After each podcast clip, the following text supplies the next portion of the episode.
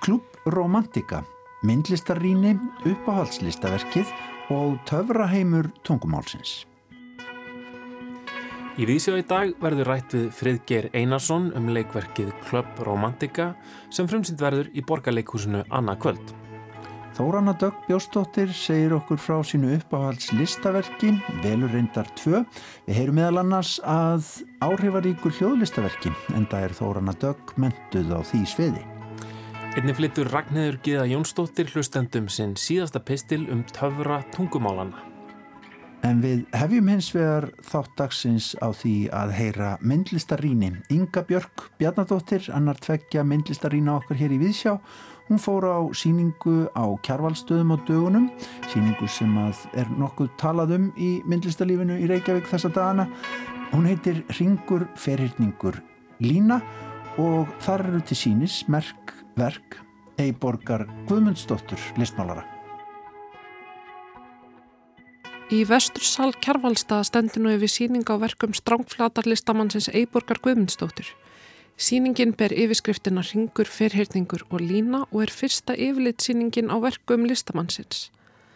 Nafn Eiborgar hefur ekki farið hátt í íslensku samfélagi þrátt fyrir að hún hafi átt merkan feril og verið einn þeirra strengja sem tengir íslenska listasögu við suðupott móternismans í Evrópu. Eibor Guðmundsdóttir var fætt árið 1924 og átti stuttan feril að baki þegar hún lést árið 1977. Þrátt fyrir það tæli síningastjórnarnir að eftir hann að líkja um 200 verk svo segja má að Eiborg hafi verið yðin þau 15 ár sem hún fegst við listsköpun sína. Verk Eiborgar er í strángflatarstíl svo kallið geometrisk abstraktverk en falla einni mörg í flokk opplistar. Í opplist eru sköpuð áhrif með formum, litum og andstæðum sem gerir auganu erfitt að lesa úr myndflitinum. Þetta gerir það verkum að allt verðist vera á flegiferði myndflitinum og stundum er óbærilegt að horfa á verkin lengi. Eiborg var trygg geometriskri abstrakt list frá fyrsta degi feril síns til hins síðasta. Þrátt verið það er heilmikil tilrönamennska í verkum Eiborgar og þau eru síður en svo einslitt. Engin vafi leikur á því að hún var óhrætt við að pröfa sig áfram með ólíka miðla en á síningunum má sjá verk af ólíkum stærðum, þrýviðar lámyndir sem sína bæði hugvit og tilrunamennsku, hangandi skúltúra, vefnað, klippimyndir og grafíkverk sem pryttu bækur, tímaritt og síningaskrás og eitthvað sé nefnt. Ringur, ferhyrningur og lína er yfirgripsmikil síning með fjölbreytti úrvali verka sem koma frá ofinbörum söpnum víða um land en aðtegli vekur að stór hluti verkana er í engaegu. Sem ungkona var Eiborg í ringuðu íslenskar myndlistar á eftirstrísárunum. Hún bjóðindi sama þakki og Valdir Pétursson sem var fórstur sonu bróður hennar og heimilið sótti Þorvaldur Skúlason og Gunnlaugur Skeving meðal annara. Eiborg hlaut einni liðsögn og handleyslu Díotir Rót sem kvatti hana til áframhaldandi mentunar Erlendis. Eiborg flutti til Parísar í lók sjötta áratugurins til að hefja formlegt listnám. Hún ílengdist þó ekki akademíun og hóf sjálfstætt nám í París en það komin á færtugsaldur og stíl hennar orðin fast mótaður. Í París komst Eiborgi kynni við listamenn sem áttu eftir að hafa mikil áhrif á hana. Þar á meðal voru upphafsmaður opplistarinnar Viktor Vasarelli og Sjórs Folmer frumkvöðul í geometriski abstraktlist. Folmer var einni fórsprækki listamannahópsins Grúp Mössjör sem Eiborg tilherði og syndi með viðsverum Evrópu. Í París kynntist hún einnig hennum argentíska Julio Le Parc sem með opplistaverkum sínum hafði mikil áhrif á Eiborgu. Í verkum hans breytir staðsetning og staða áhörvandans ásýnd verkana. Þetta veitti Eiborgu innblástur fyrir þrýviðjum lágmyndum en slíkt verk hafa aflust einhverju hlustendur séði í glugga mokkakaffe á skólaverðustík en þar hefur verk eftir Eiborgu hangið frá árinu 1966 þegar hún hjæltar engasýningu. Þó verkinn séu abstrakt og í raun geti hver manniska frá sínu sjónarhóttni lagt tólkun og merkingu í þau hafa mörg verkana áhugaverða titla sem geta gefið vísbendingar um hvaðan listamæðurinn sótti innblástur sinn og hugmyndir. Til að mynda eru þrjú verk á síningunni sem öll hafa trúalegar vísanir í titlum sínum. Þryggja málverka seria sem nefnist triptik, orð sem á uppröna sinni grísku þar sem trímerkir þrýr og tísómerkir að brjóta saman. Við þekkjum triptik helst í formi alltaristabla, þrýr fletir sem segja sögur úr biblíunni, gjarnan á hjörum svo hægt er að leggja vangina að miðjufleturum og loka. Í móternismannum hefur formið auðvitað líka verið notað, til dæmis í hennu viðfraga verki Francis Bacon, stúdjur af Lucian Freud. En vegna uppruna triptikformsins í trúalögu samhengi og vegna stöðu þessa forms frá frum kristni verður illa framhjá þessari tenginguliti, ekki síst í ljósi þess á síningunni er verki Eiborgar, triptik, stilt upp við hliðskúltur sem hangir í loftinu og ber titilinn krossin. Abstrakt form sem hefur þó lögum kross. Þar næst kemur verk sem nefnist alltaristabla abstrakt verk þar sem fyrirningar dopna úr skærum rauðum lit verða fölari og guðlari uns komið er að miðja. Þar er bjartur kvítur kassi sem minnir einna helst á guðlega byrtu sólstafa.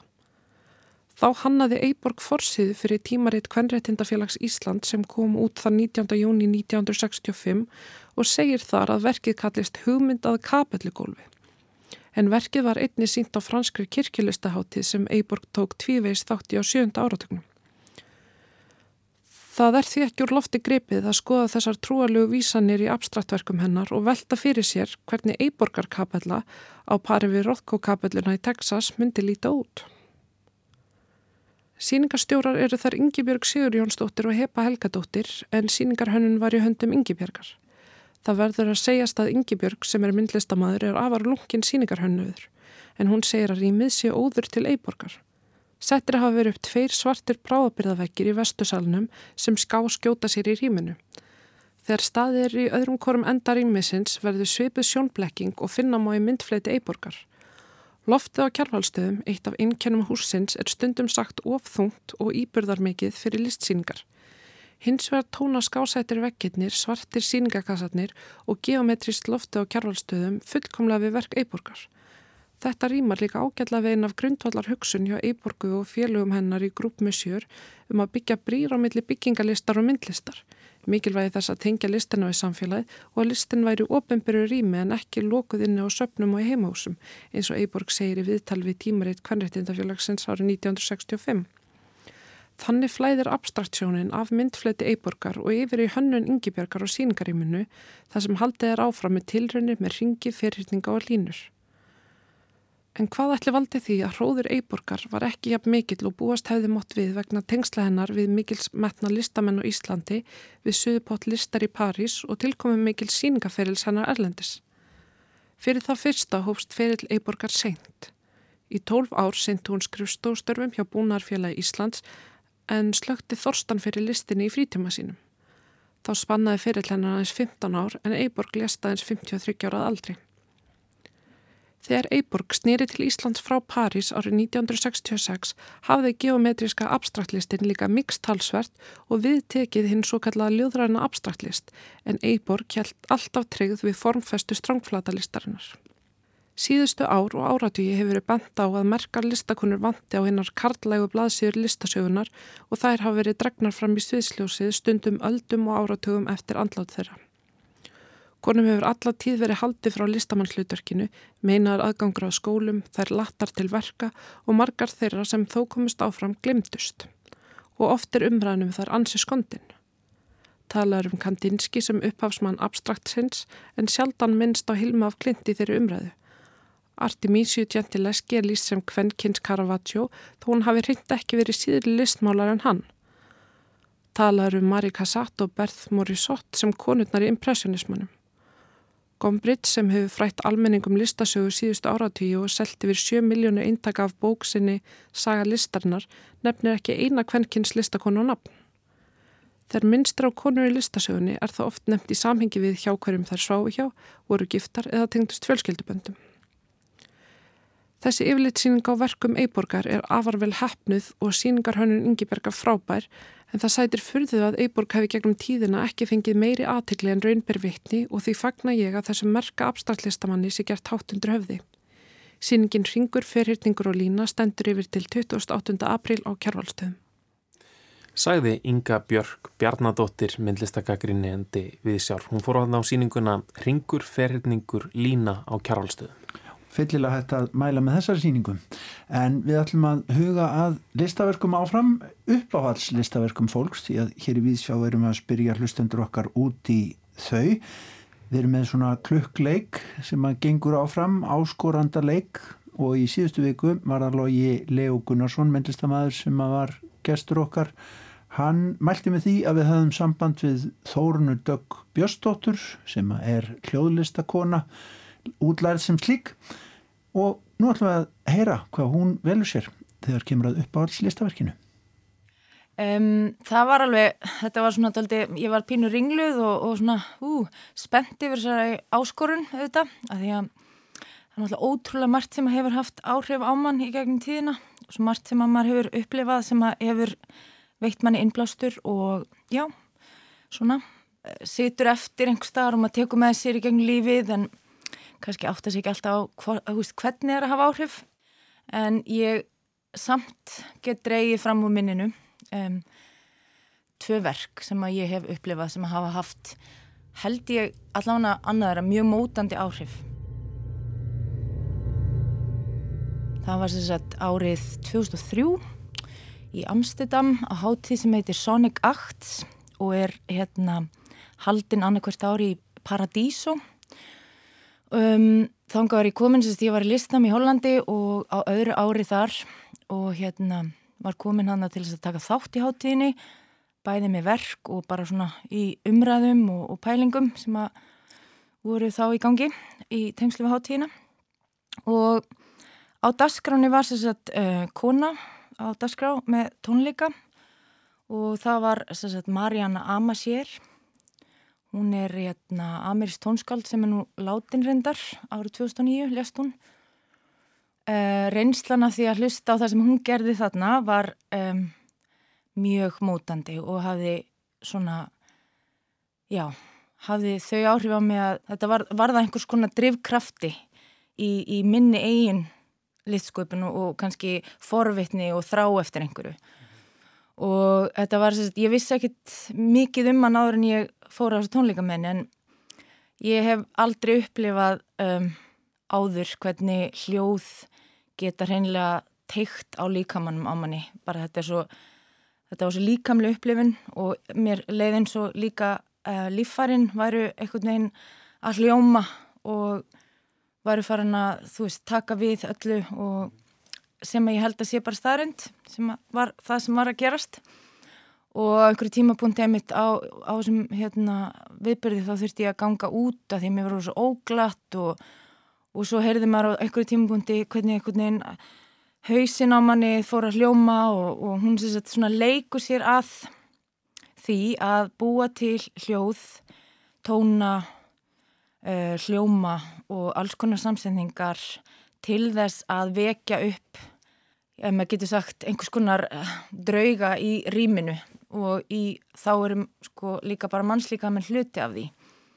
Og hún var að vinna með fyrirbæri sem eru svona já, mjög mikið svona hljóðæðlisfræðileg og hérna hvernig við skinnjum hljóð. Hennar helsta, helsti áhugi lági því hvernig við hvernig, hvert samband okkar við hljóðin eru um, ekki bara um hljóðin per se heldur reynilega um hvernig eitthvað rými, hvort það er mannslíkami eða, eða hús eða herbergi, hvernig það tekur við því sem hún setur þar inn.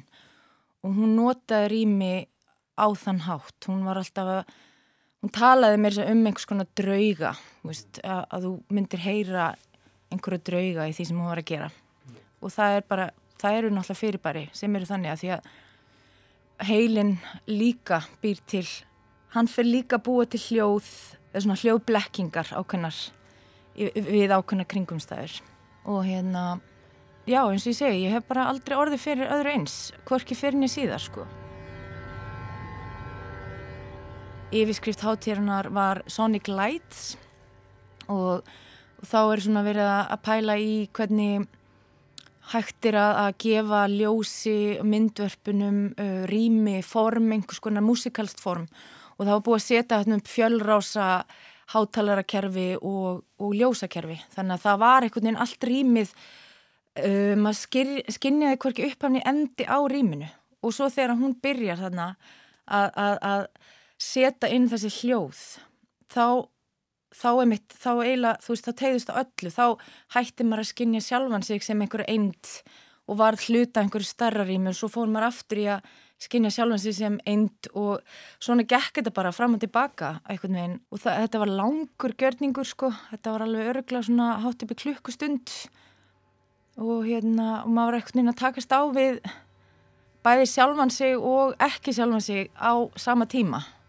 Það var mjög svona hugvíkandi reynsla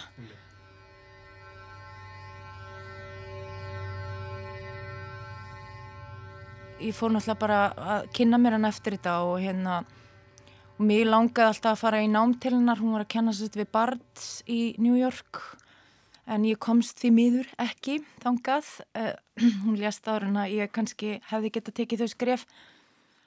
En það var bara einhver, einhver leit, einhver þrá sem að hún einhver sín sem að ég líka heitlast svo óbúslega að. Og hvað hún var byrja að gera fyrir löngu, löngu síðan fyrir í rauninni, hún notaði, nýtti sér fjarskiptatækni og, og þú veist, hún var, hún var svo mikill frumkvöld. Hún var einfari, hún, hérna, í dag er erfitt að halda utanum það sem hún gerði, bæði kannski hvernig á að endur taka eitthvað sem hún gerði, að því að hún, hennar, hérna, nærvera eða hennar, þú veist, allt sem hún gerði var svo mikið hluti af því hvað hún setti einhvern veginn fram, hvernig hún stilti hlutina og það er kannski ekki tilneitt nákvæmar upplýsingar um það fyrir aðra að leika eftir. Þannig að þetta er alltaf, þú veist, þetta, þetta er þessi forvinni, þessi, hérna, að vekja upp eitthvað, að, hérna, reyfa við sem að mér finnst henni hafa tekist svo vel í, í sinni sköpun. Þó ég hafi bara upplefað ein, þetta eina skipti þá, þá bara sé ég það, þú veist, ég hef hort að fyrirlestra með henni og bara svona já, óbúslega margt í hennar fari sem að hillar mig.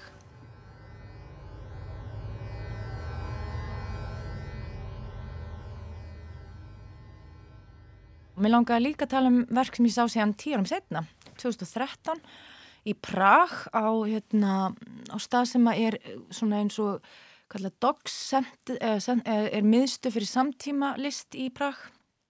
Og þar uh, var síning í gangi þar sem að var verið að svona já, verið, verið að velta upp þessum spurningum hvað, hvað er skerðing eða þú veist, hvað er föllun og, og hvort að við sem erum ekki fölluð erum kannski skert á einhvern hátt að því að okkur skortir það sem að fatlaðir hafa einhverja hæfileika, einhverja sín sem að við sem að erum ekki fölluð höfum ekki þar að leiðandi. Og þar sá ég verk eftir Javier Telles sem að er listamæður frá Venezuela, hann er reyndar búsettur í New York. Hann er listamæður sem vinnur mikið með kvikmyndamiðlinn og þar sá ég mynd sem að heitir Letter on the Blind for the Use of Those Who See.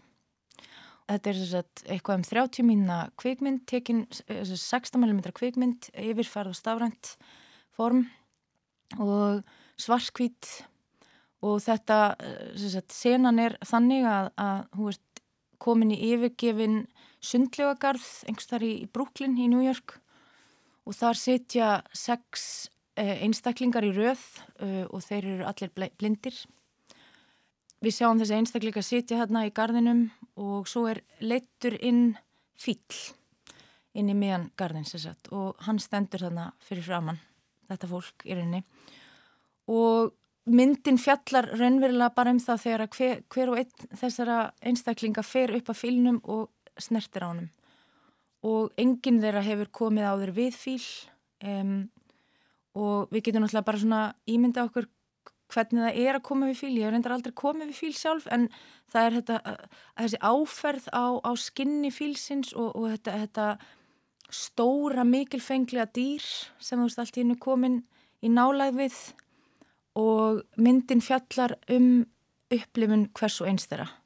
Á því að snert á fílnum og svona ákveð hérna, samtal og nánd sem að hver er að á við í, í þessu Já, já, á þessum mómenti sem sagt, þegar þeir eru hann með fylnum og, og þetta er bara að því að það er svo erfitt að, að miðla því hvernig maður skinnjar hluti eins og, á, eða þú veist, hvernig bara áferð er fyrir manni.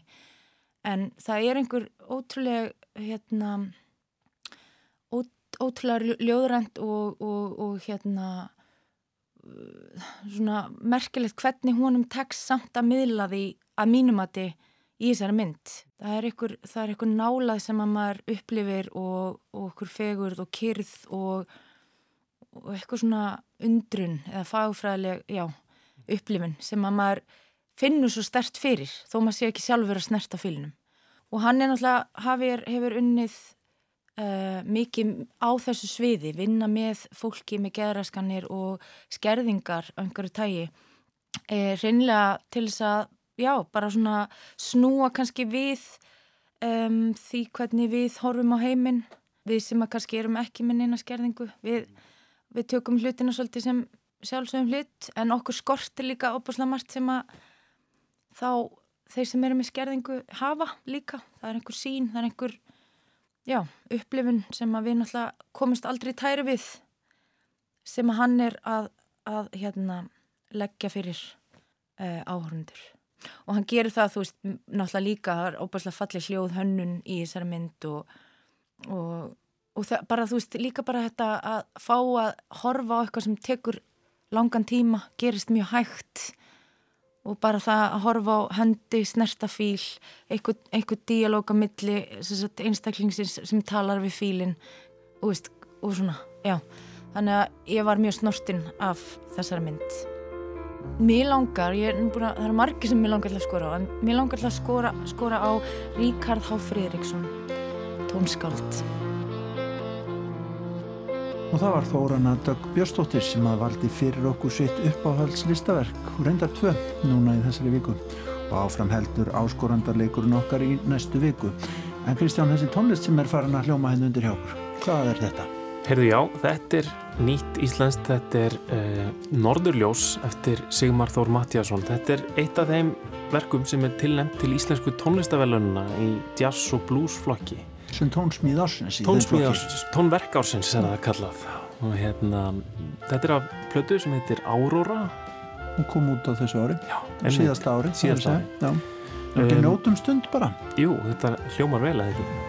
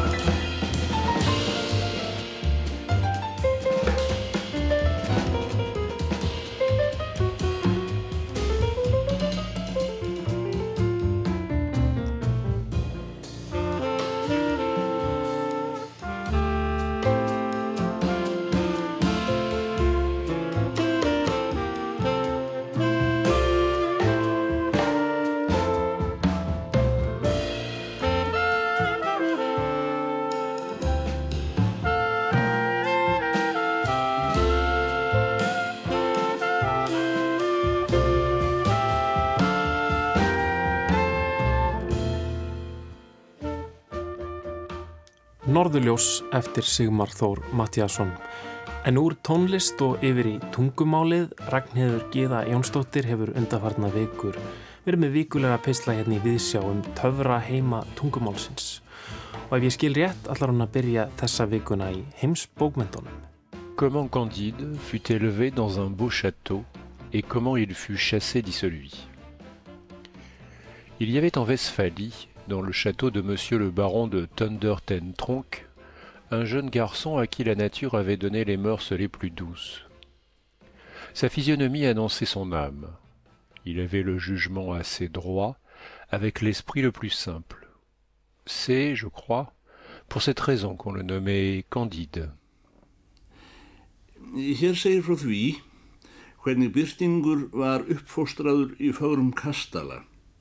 Og hvernig útreikinn þaðan.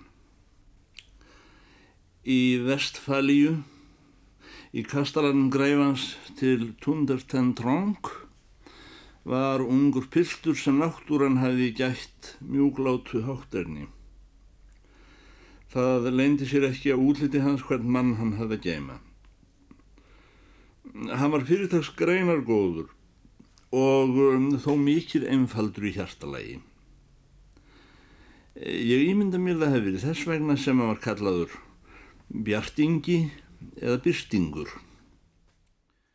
Blábyrjunin á Candide eftir Voltaire á frummálinu og henni fylgdi íslensk þýðing og lestur Haldós Kiljans Lagsnes. Haldós aðstu hafi verið tól daga að þýða Candide og hefur þá heldur betur látið hendur standa fram úr ermum. Því þýðingans er ekki bara þýðing Hún er yfirfæsla intagsbókarinnar úr franskri menningu yfir á íslenska. Ekki Voltaire að kenna eða þakka að Íslendingum þykir mörgum vætna um byrting en Candide. Carry coals to Newcastle þýðir til dæmis reynd ekki að bera kól til Newcastle á Englandi norðanverðu. Þar og í næsveitum var forðum mikil kólavinsla og þaðan kóla útflutningur. Því þótti í meira lagi tilgangslöst að bera kól til Newcastle. Og við þýðum þetta yfir á íslensku með því að bera í bakkafullan lækin. Til hvers bera vatn í bakkafullan læk? Hver á heimi bænum sem bustum hinga snýr? Það er himnaborgin, þar sem heil og þrenning býr. Setning þessi hefur fyllt mér frá því ég var nýjára og kassi með leikriði Davíð Stefanssonar og tónlist Páls Ísólfssonar var borinn á æskuheimilið. Davíð hafði ungur heitlast af þjóðsögunni um sálina hans Jóns Mís, gaf út samnenda ljóðabók árið 1933 og verk þeirra Páls frum síndi leikfélag Reykjavíkur jólin 1941. Davíð Stefansson hafði heldur betur fyllt upp í personugalleri þjóðsögunar.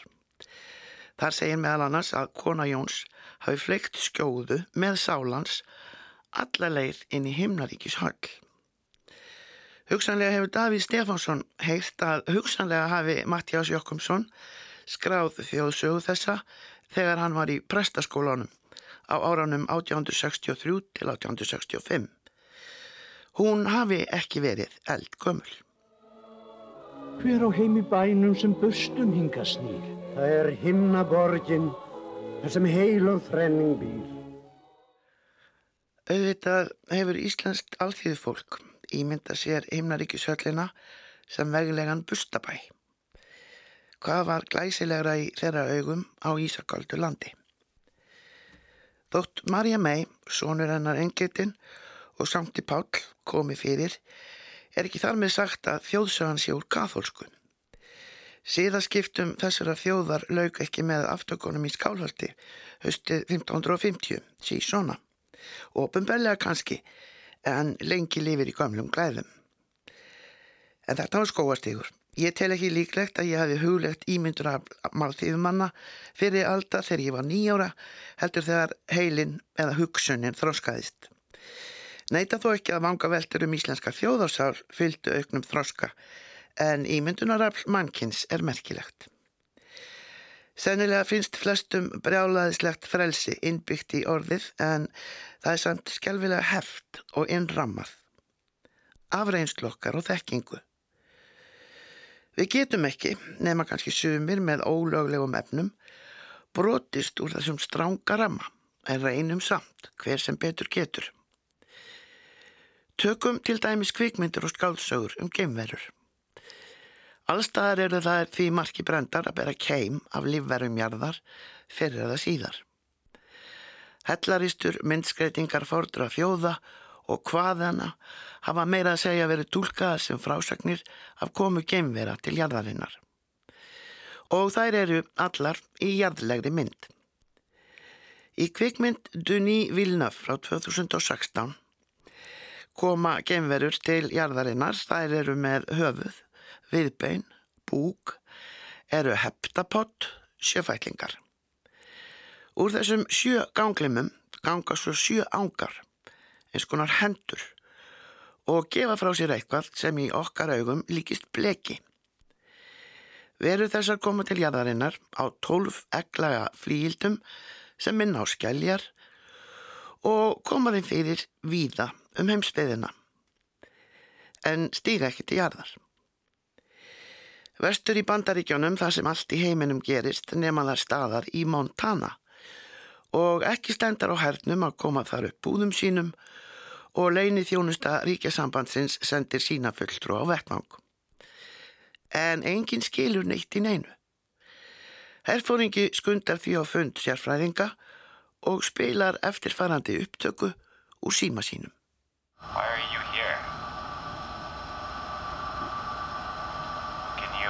Understand us?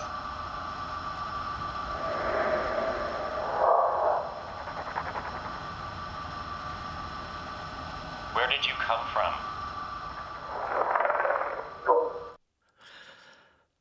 Hvenn málvísindadoktor og Karl eðlisfræðidoktor eru flutt til Montana.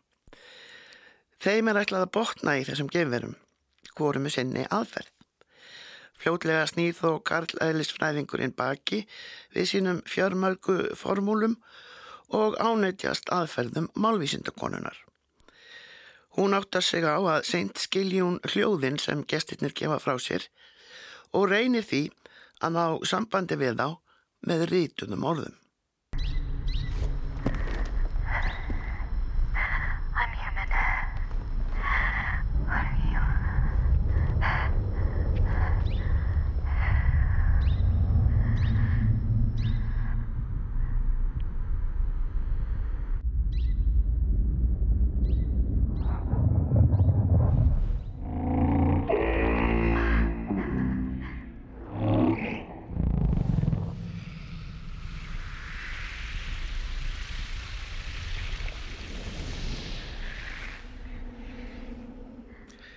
En herfóringin bandaríski og fulltrúi leinið þjónustunar, þeir eru ekki gátir.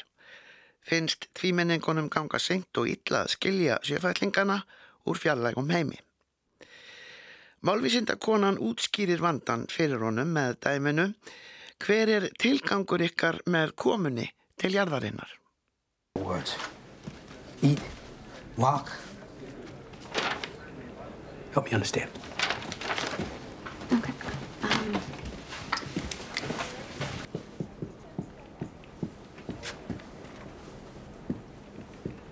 Okay, this is where you want to get to, right? That is the question. Okay. So, first, we need to make sure that they understand what a question is. Okay, the nature of a request for information along with the response. Then, we need to clarify the difference between a specific you and a collective you because mm, we don't want to know why Joe Alien is here. We want to know why they all landed. And purpose requires an understanding of intent.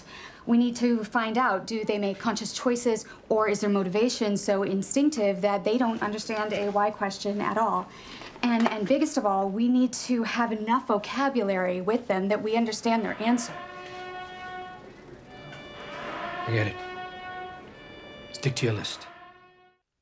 Málvísindakonan og geimverðurnar skrifast á. Geimverðurnar skrifa ekki beinni línu, upp, niður, frá hægri til vinstri eða öfugt. Það er skrifa í ring með tveimur öngum í senn. Orðin er ekki stafir í okkar augum að minnstakosti, heldur minnstur hér og þar á ringnum. Hljóðin sem þær gefa frá sér verðast fremur tákna tilfinningar en orð.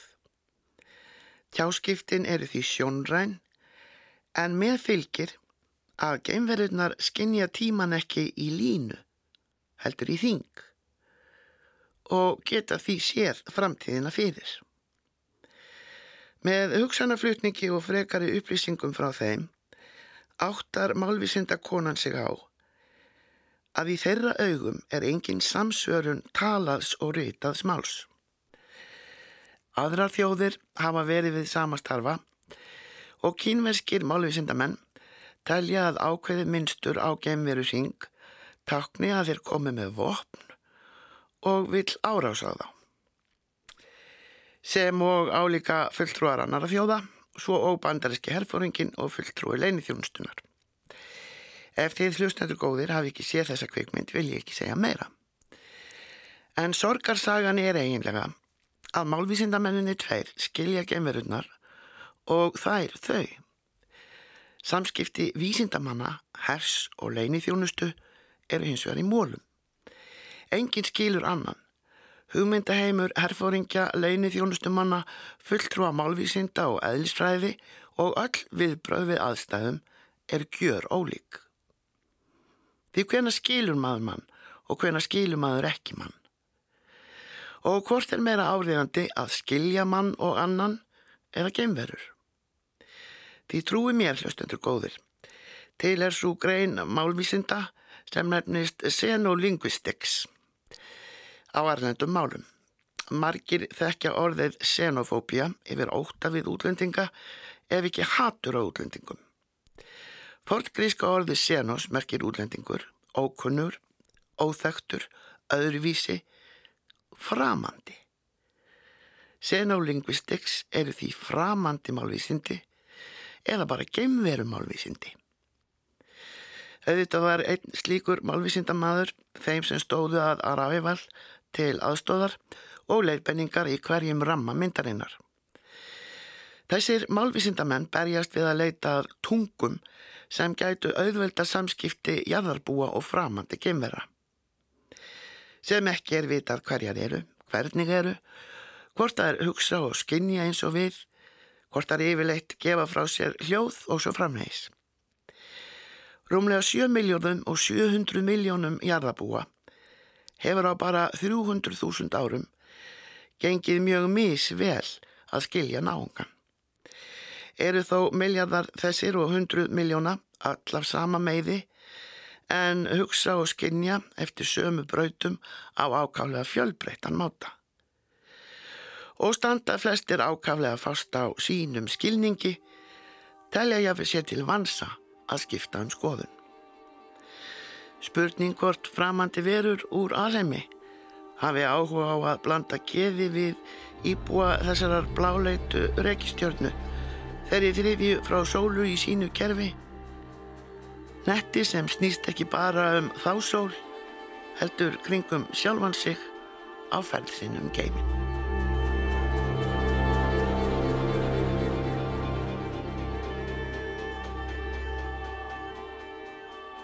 Já, peislaröð Ragnhildar Gíðu Jónsdóttur um töfra tungumálana lauk á broti úr tónlistinni sem að Jóhann heitinn Jóhannsson samti fyrir kvikmyndina Arrival og hlaut einróma lof fyrir.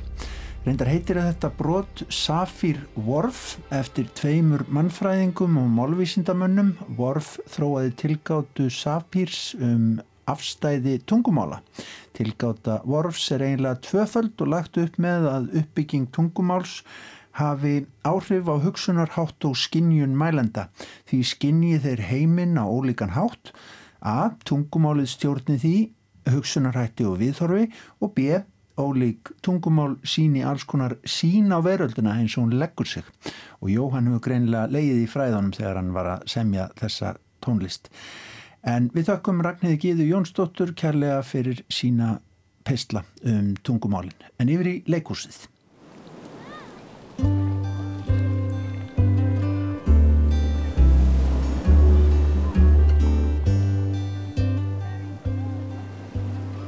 Já, ég er stattur hérna í borgarleikúsinu á Littlasviðinu, þetta er Litlasvið, nýja svið. Þetta er nýja svið. Já,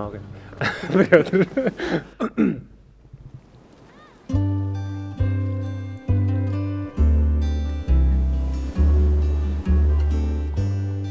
Ég er statur hérna í borgarleikúsinu á nýja sviðinu með Friðger Einarsinni sem er að fara að frumsýna núna á fymtudag, nýtt verk, Club Romantica. Friðger, þetta verk á sér svolítið langan aðdraganda, er það ekki? Jú, það var eiginlega, má segja að það sé búið að matla í núna 11 ár. Það er sem sagt síðan 2008 í februar þá kefti ég þrjú myndaalbúm frákonu og fólki á flóamarkaði í Brussel og áttaði mig fljótlega á að þau tilhörðu alls sömu konunni. Kona sem hafi farið tvísvátt í Mallorca og síðan gift sig eitthvað staðar í Belgíu. Og e, mörgum árum setna þá e, þegar ég á búin að skoða þessar myndir oft og hafa þeir í hávegum í gegnum árin þá hérna e, ákvæði ég að reyna að skila þeim þess að mér síntist þetta að vera það vönduð albúm og, og svona það persónulega minningar að mér finnist ótækt að ég var með þar heima hjá mér upp í hillu. En hvernig kom það til, til að byrja með að þú fórst að kaupa albúm ókunnurs fólks á, á flóamarkaði? Já, þetta er góð spurning sko. Þetta er svona, ég var svona flóamarkaðs uh, rotta eða flóamarkaðs notandi á, á þessu, þessum árum og á öllum flóamarkuðum er alltaf, í Evrópu er of, of, alltaf eitthvað svona gamla myndir til sölu. Og, og uh, á þessum tiltekna flóamarkaði í Brussel þá fann ég hérna, þá fann ég þessi albúm sem voru, sko það er ekki algengt að finna svona mörg albúm frá sama aðila. Og bæði fannst mér eitthvað svona óbærilega sorglegt við að, minningar einhverja mannesku sem einhver hefur vanda sig við að halda til haga hafi bara enda á flóamarkaði þar sem einhver sláni frá Íslandi gætt keift, keift þær. Og síðan líka bara var ég rosalega áhuga samur um myndinnar og, og svona að því að þetta, er, þetta eru myndir sem eru teknar ekki af fagmanni heldur af amatör og bara hvernig svona mér fannst það mjög góðar sem slíkar sem sagt hvernig svona lögmál myndbyggingar eru brotinn og, og hvað er sett í fórgrunn og hvað myndirna sína svona ó, óvís sagt myndsmiðurinn hefur kannski ekki átt að segja á hvað hann var að sína mikið sko, gefa miklar upplýsingar. Þannig að það er til dæmis tekin mynd af brúðhjónunum í að dansa og myndafélinn er staðsett þannig að maður sér eiginlega allt eldhúsið í kringum það og sér að þau eru bara að dansa inn í eldhúsi og sér allt og vel bara góldúkin og, og, og veggfóðrið og maður svona fær svo miklar upplýsingar um fólkið á myndunum sem maður á ekki endilega að fá en, en eru samt aðna. Og þú semst ákveður að, að fara og reyna að skila þessum albúmum, hvernig byrja maður leit að eigandum svona albúma? Sko vandamálið sem blasti við var að ég vissi ekki nafnið á konunni eða neinum í myndunum og ég vissi bara að hún hafi verið þarna á Mallorca 1976 og síðan 78 á Club Romantica sem var uh, ekkit sérstaklega góð vísbending en einhver vísbending samt. Síðan var flugmiði og þá rætti maður að finna nafnið en þannig flugmiðin var þannig fylltur út að það var ekki hægt að lesa það almenlega uh, en á endanum þá uh, hjálpaði svona Google myndaleit mér töluvert. Og þá fann ég út hvar kirkjan sem það hefði gift sig var. Og það var svona likil vísbending í þessu máli. Mm -hmm. þannig að það, það, þá gæti ég rætt við fólk í kirkjunni og, og, og hérna komist á sporið með þeim hætti og þrengt ringin Þannig að þú fóst bara þarna út eins og, og rannsóknarlauruglumadur þarna, þú fóst bara til Belgíu að, að leita uppi eigendur albúmsins. Já, ég fór reynda líka til Mallorca, dvaldist þar í Sólarring við rannsóknarstörf og, og með litlum árangri.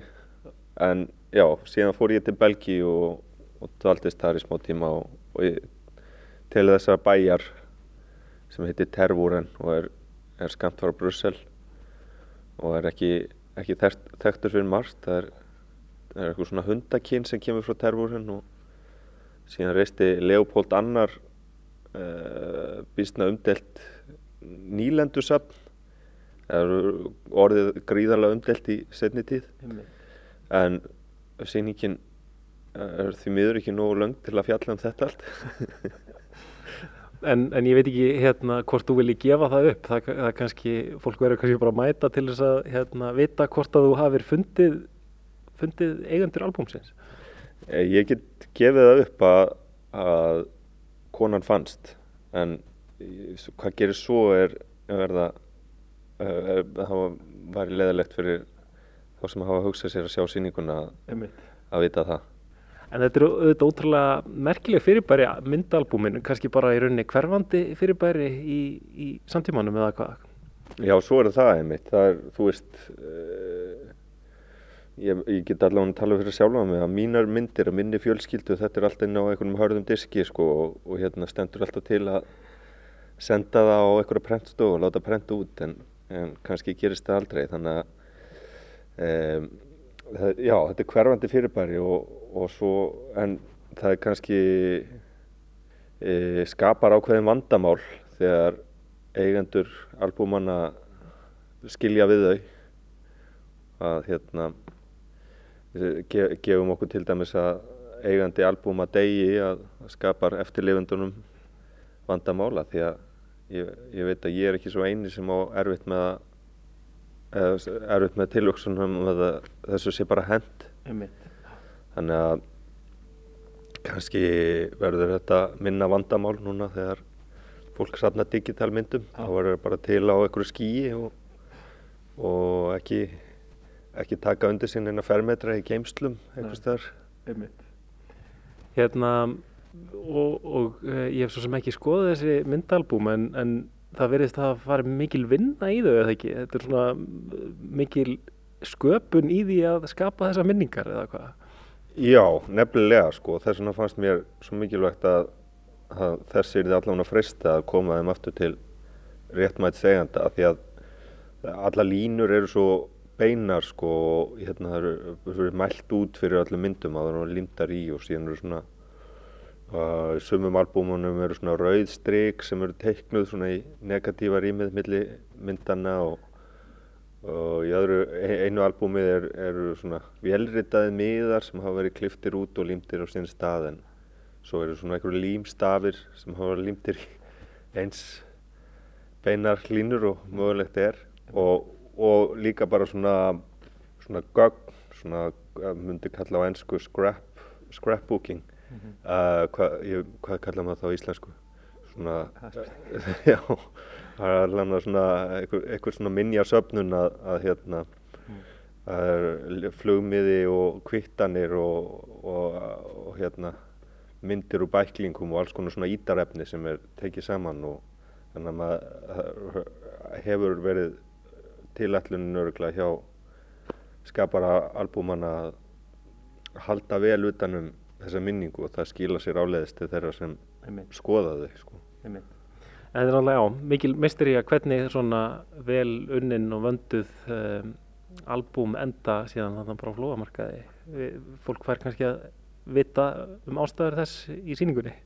Já, það fær kynast þessari leit minni að konunni þannig að rannsóknin er í svona forgrunni og uh, svo hefur hann hérna Snorri tónlistamæðurinn, Snorri Helgason líka samið uh, mjög fallega og, og þýða tónlist til að koma, koma til skila svona tilfinningunni þessari Mallorca tilfinningu svona rýmið það sem maður hugsa um gangin í lífinu og hefur það notalegt.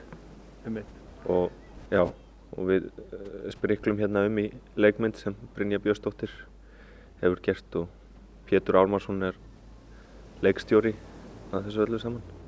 Það er svona svolítið suðrann stemning. Það, er, hérna, það eru pálmar og, og það er strandbolti og, og svona litir og, og bjart og svona, já, suðrann Já og við snorri verðum klættir í eh, bísna söðranna búninga, hafa skýrtur og, og stöðbuksur og já, þetta verður svona hlýtt, mm. svona eh, sólarglæta á kannski viðegandi núna þegar geisa stormur úti.